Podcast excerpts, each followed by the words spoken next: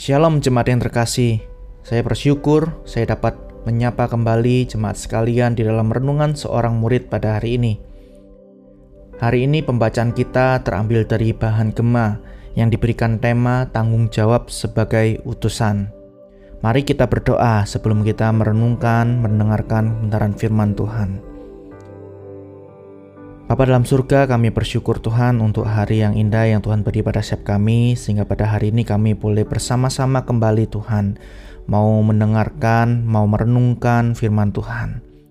Tuhan bukakan setiap hati kami, bukakanlah setiap pemikiran kami, sehingga setiap kami Tuhan tidak hanya mendengarkan dan membaca saja, tetapi kami boleh melakukan setiap kebenaran firman Tuhan, setiap kehendak Tuhan di dalam setiap kehidupan kami pribadi lepas pribadi Terima kasih Tuhan, kami mau mulai pembacaan dan perenungan kami pada hari ini. Di dalam nama Tuhan Yesus Kristus kami berdoa dan bersyukur. Haleluya. Amin. Jemaat yang terkasih, pembacaan firman Tuhan kita hari ini terambil dari Injil Yohanes pasal 17 ayat 15 sampai 19. Injil Yohanes pasal 17 ayat 15 sampai 19. Demikian firman Tuhan untuk kita semua. Aku tidak meminta supaya engkau mengambil mereka dari dunia, tetapi supaya engkau melindungi mereka daripada yang jahat.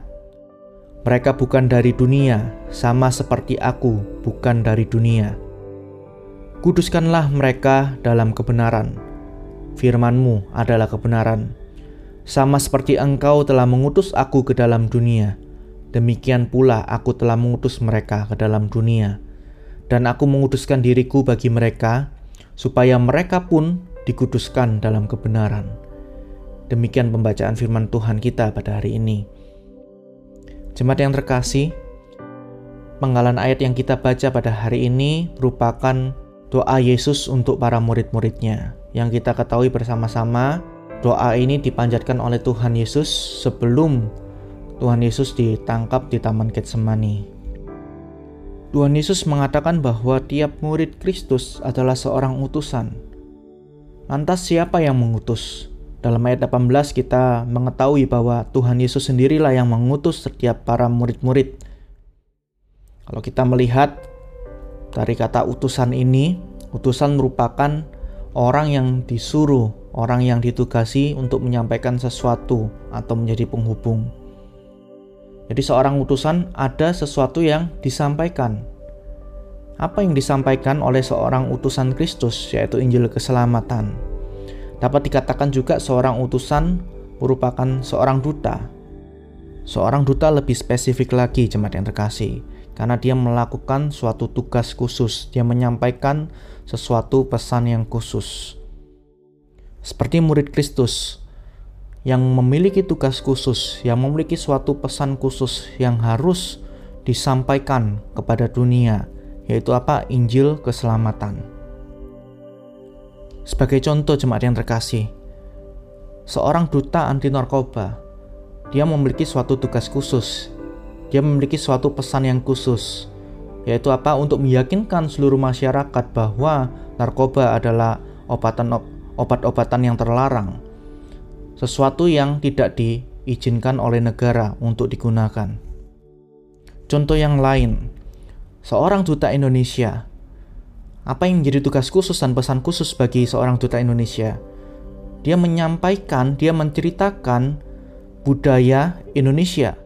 Seorang duta Indonesia merepresentasikan kehidupan atau budaya negara Indonesia, sehingga bangsa lain dapat melihat bahwa Indonesia adalah negara yang baik. Oleh karena itu, jika kita sekarang adalah seorang murid Kristus yang juga disebut sebagai utusan Kristus, duta Kristus, adakah di antara kita telah memberitakan mengenai pribadi Kristus di tengah dunia ini? Adakah kita merepresentasikan pola pikir, kehidupan yang sesuai dengan kebenaran firman Tuhan di tengah-tengah dunia ini? Sebagai duta Kristus, adakah kita hidup sesuai dengan kehendak Tuhan hidup dalam kekudusan dan tidak menikmati keberdosaan kita. Dari firman Tuhan pada hari ini kita belajar apa jemaat yang terkasih? ada suatu tugas dan tanggung jawab kita sebagai seorang utusan Kristus. Kita dapat melihatnya bersama-sama dalam ayat 15 sampai 19. Tanggung jawab kita sebagai utusan Kristus adalah kita tetap hidup di tengah-tengah dunia yang jahat. Kita tetap hidup di dalam kebenaran. Kita tetap hidup di dalam kekudusan. Jemaat yang terkasih hidup di tengah dunia yang jahat Maksudnya adalah kita hidup secara berdampingan dengan orang-orang yang tidak mengenal Kristus, dengan orang-orang yang tidak mempercayai keberadaan Allah, dengan orang-orang yang tidak percaya akan pemeliharaan Allah, dengan orang-orang yang menikmati perbuatan jahatnya di tengah dunia ini, dengan orang-orang yang menikmati setiap pemikiran negatifnya, dengan orang-orang yang menikmati hidup di dalam keberdosaannya Firman Tuhan mengatakan kita hidup berbeda dari mereka. Karena sekali lagi dikatakan bahwa kita ini adalah bukan dari dunia.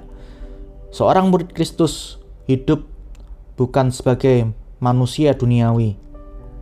Kita adalah orang yang sudah dilahirkan kembali di dalam roh dan kebenaran. Dan kita menjadi milik kepunyaan Allah. Jemaat yang terkasih, mari kita renungkan bersama-sama. Jika kita pada saat ini sudah melakukan sesuatu yang benar. Jika kita sudah melakukan apa yang menjadi kehendak Tuhan di dalam benaran firman Tuhan.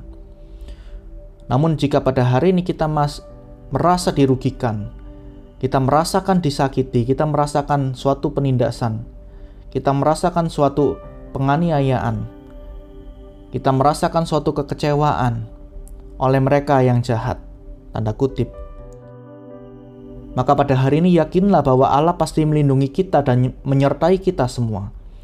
Tuhan Yesus berdoa di ayat 15 agar kita dilindungi Allah dari yang jahat.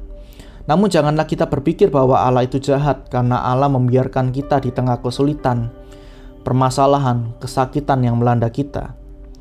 Tetapi selalu percayalah, seperti di ayat 15 tadi, bahwa Allah senantiasa menyertai setiap orang yang hidup hidupnya benar dan selalu mengasihi Dia. Mari kita evaluasi kembali diri kita. Jika kita hari ini hidup di tengah kesulitan, penderitaan, kesakitan yang tiada hentinya, mari kita cek kembali apakah segala yang jahat yang terjadi tersebut Allah izinkan untuk memproses iman kita seperti dalam narasi Ayub. Ataukah yang jahat itu terjadi disebabkan karena keberdosaan kita atau pelanggaran kita sendiri. Oleh karena itu jemaat yang terkasih berjuang. Berjuanglah dan terus berdoalah bagi mereka yang jahat. Jadilah duta Kristus yang merepresentasikan kebenaran di tengah dunia yang jahat. Firman Tuhan pada hari ini mengajarkan kita untuk melihat bahwa kita berbeda dari dunia yang jahat ini, sekalipun kita hidup di tengah-tengah dunia. Oleh sebab itu, janganlah kita membalas yang jahat dengan suatu kejahatan juga. Jika demikian, maka kita tidak akan pernah layak disebut sebagai seorang duta atau utusan Kristus. Karena tanggung jawab kita yang sejati adalah menjadi utusan Kristus. Kita merepresentasikan kebenaran firman Tuhan. Kita memberitakan Injil keselamatan di tengah-tengah dunia yang jahat ini. Mari kita berdoa bersama-sama. Bapa kami dalam kerajaan surga, kami bersyukur Tuhan firman Tuhan hari ini mengingatkan pada setiap kita bahwa kami ini adalah utusan Kristus.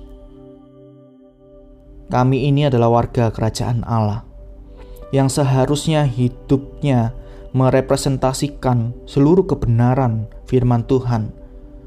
Meskipun kami tetap hidup di dalam dunia yang jahat ini. Namun, lindungi setiap kami Tuhan, sertai setiap kami, seperti doa Tuhan Yesus untuk murid-muridnya. Bahwa kami diutus di tengah dunia yang jahat, namun selalu ada Allah yang melindungi setiap kami. Terima kasih Tuhan, terima kasih. Ajarilah, kami Tuhan untuk selalu hidup di dalam kebenaran dan hidup di dalam kekudusan karena kami tahu bahwa kami manusia baru. Kami lahir di dalam roh dan kebenaran. sehingga setiap kami Tuhan seharusnya tidak hidup secara duniawi ini. Terima kasih Tuhan, biarlah hidup kami terus bersandar di dalam Tuhan dan kami menyerahkan seluruh aktivitas kami ke depan di dalam nama Yesus Kristus. Haleluya. Amin. Tuhan Yesus memberkati kita semua. Selamat beraktivitas.